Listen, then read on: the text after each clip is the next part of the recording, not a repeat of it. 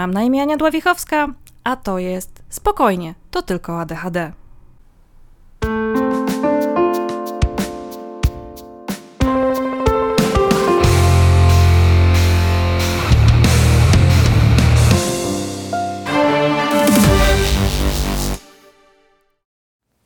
Witam Was w kolejnym odcinku.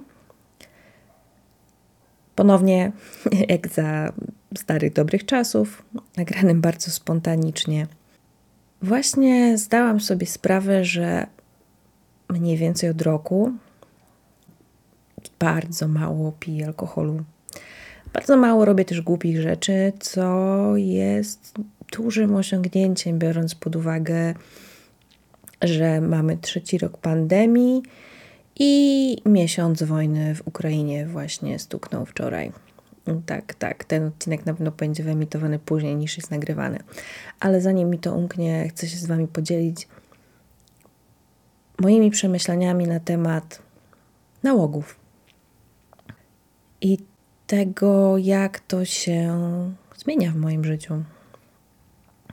Od, od roku dużo się w tym temacie zmieniło. Nie wiem, czy dlatego, że przeszłam COVID, czy dlatego, że skończyłam terapię, czy dlatego, że włączyłam medii. Myślę, że wszystkie te rzeczy mają znaczenie, a szczególnie te dwie ostatnie. Uzależnienia są jedną z najpowszechniejszych chorób współistniejących z ADHD. Mówię chorób, ponieważ coraz bardziej rozpowszechnia się podejście do uzależnienia jako do choroby. Nawet w angielskim to tak naprawdę jest określane jako substance abuse disorder, z tego co pamiętam, czyli zaburzenie związane z nadużywaniem substancji, jakoś tak. Pewnie, może, może kiedyś znajdę, jak to się nazywa poprawnie. Ale zdałam sobie sprawę po raz kolejny, że od jakiegoś czasu nie zajadam smutków i stresu, nie zapijam, nie, nie wyłączam się i nie uciekam od tego, co się dzieje we mnie, w mojej głowie, w moim ciele. Nie jest to zbyt przyjemne, może, ale z drugiej strony nadużywanie czegokolwiek, żeby nie czuć, nie ma dobrych konsekwencji, a że dotyka wielu, wielu osób z ADHD, to myślę, że warte jest to wspomnienia. Więc jak to możliwe? Czyżbym nie miała ADHD? Nie, nie wydaje mi się. Raczej im dłużej żyję z diagnozą i im więcej wiem o moim neurotypowym mózgu, tym bardziej jestem przekonana, że to była świetna diagnoza i bardzo trafiona w moim wypadku. Czemu zatem nie mam znowu problemów z alkoholem albo z y, jedzeniem? Dobra, okej, okay, to nie to, że wszystkie nałogi sobie poszły w kąt, ale ale poziom wszystkiego jest bez porównania mniejszy. No więc nie uciekam tak bardzo. Nie boję się już tak bardzo czuć jak kiedyś. Nie boję się tego, że emocje mnie zgniotą, przy. A zatem nie muszę od nich uciekać. Kiedy po raz pierwszy spotkałam się z takim podejściem, że uzależnienia mają swoje źródło w emocjach, w traumach, to gdzieś już wtedy zaczęło to we mnie mocno rezonować. No więc moje traumy są przepracowane na tyle, na ile jestem w stanie, i jestem z nimi naprawdę w dobrym miejscu. Nauczyłam się też przez te wszystkie lata bycia w terapii i potem praktykowania tego w życiu codziennym, że mogę być z moimi emocjami. I co za tym idzie? Przestałam od nich uciekać. To nie znaczy, że nie zdarza mi się usiąść z kieliszkiem wina, czy cydru, czy czegokolwiek innego. I tak zdarzają mi się dni, kiedy mam ochotę się upić i to robię. Albo, albo zjeść coś tylko dlatego, że mam mam na to ochotę, mam, mam, mam chęć po prostu poczuć smaki. Ale to już nie są, to już nie jest czas zajadania się do bólu brzucha. To nie jest czas zjadania w ciągu 20 minut dwóch dużych paczek chipsów i jeszcze całej masy innych rzeczy. Moje uzależnienia straciły na swojej mocy, przestały tak kontrolować moje życie. Nie to, że ich nie ma. Całkiem. Cały czas tam są. Ale ich intensywność jest bez porównania mniejsza. W czasie terapii, poza tym, że zmierzyłam się z nieprzepracowanymi emocjami, z doświadczoną krzywdą, przyznałam, że jej doświadczyłam, po pierwsze. I przyznaję też sama przed sobą, że przeżyłam dużo, bardzo dużo, bardzo trudnych rzeczy. Nadal nie jest to coś, o czym jest mi łatwo mówić. Zdecydowanie nie jest to dla mnie obojętne. I chyba nigdy nie powinno być, bo jednak to nie są łatwe rzeczy. Ale nie rozsadzają mnie od środka. Nie mam w sobie wielkiej dziury, nie muszę jej zapełniać, żeby jej nie czuć, nie muszę się wyłączać, żeby się nie czuć. I myślę, że super dużo sensu to on ma właśnie w momencie, kiedy ma się tak, tak stworzony mózg, żeby czuć mocno, żeby czuć bardzo, żeby czuć bardzo intensywnie. Gdzieś trafiłam na badania o tym, że żołnierze, którzy mają ADHD, mają dużą większą szansę, żeby wykształciło się u nich PTSD, czyli zespół stresu półrazowego. No bo nie każdy, kto doświadczył traumy, musi doświadczyć PTSD. To nie, to nie jest tak, że, to, że każde traumatyczne doświadczenie u każdej osoby będzie skutkowało zespołem stresu półrazowego.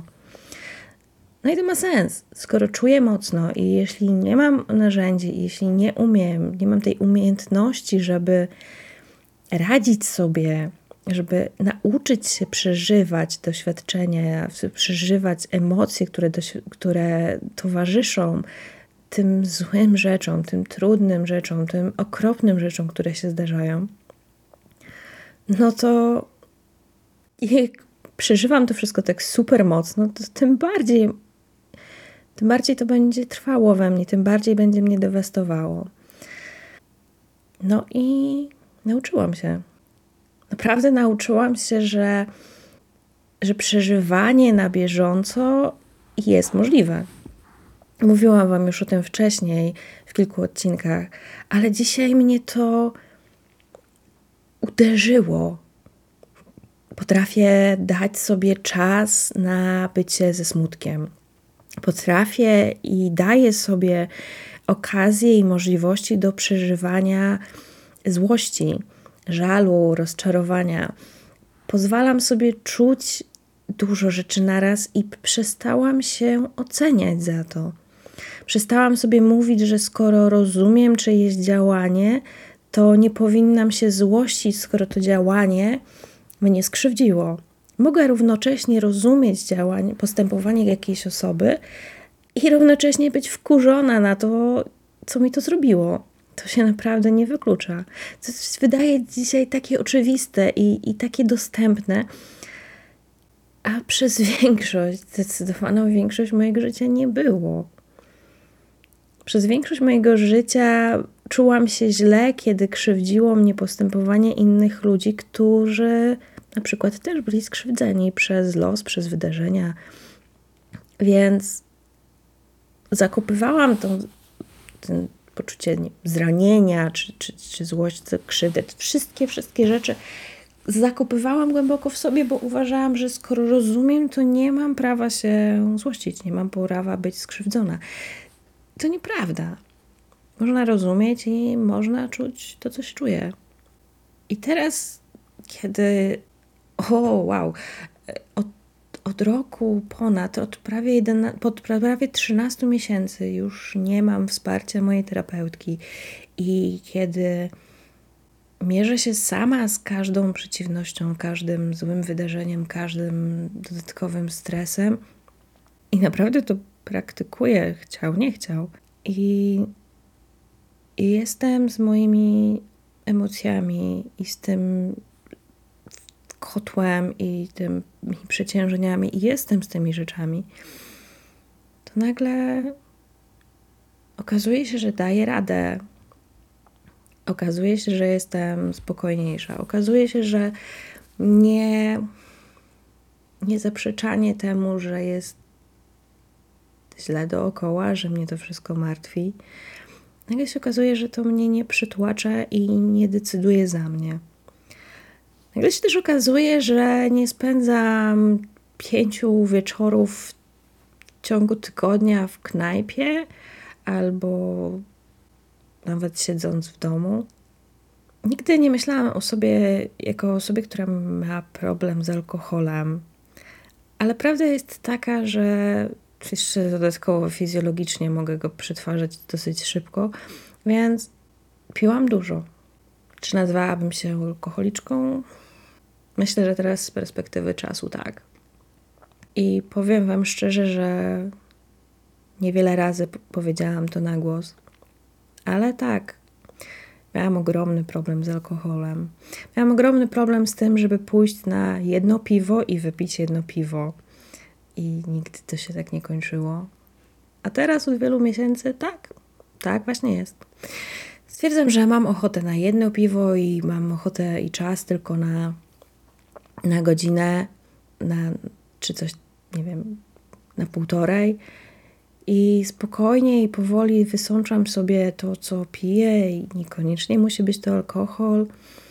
I czuję się bardziej wolna w tym wszystkim, bo nie muszę niczego zagłuszać. Nie mam już tej potrzeby w sobie.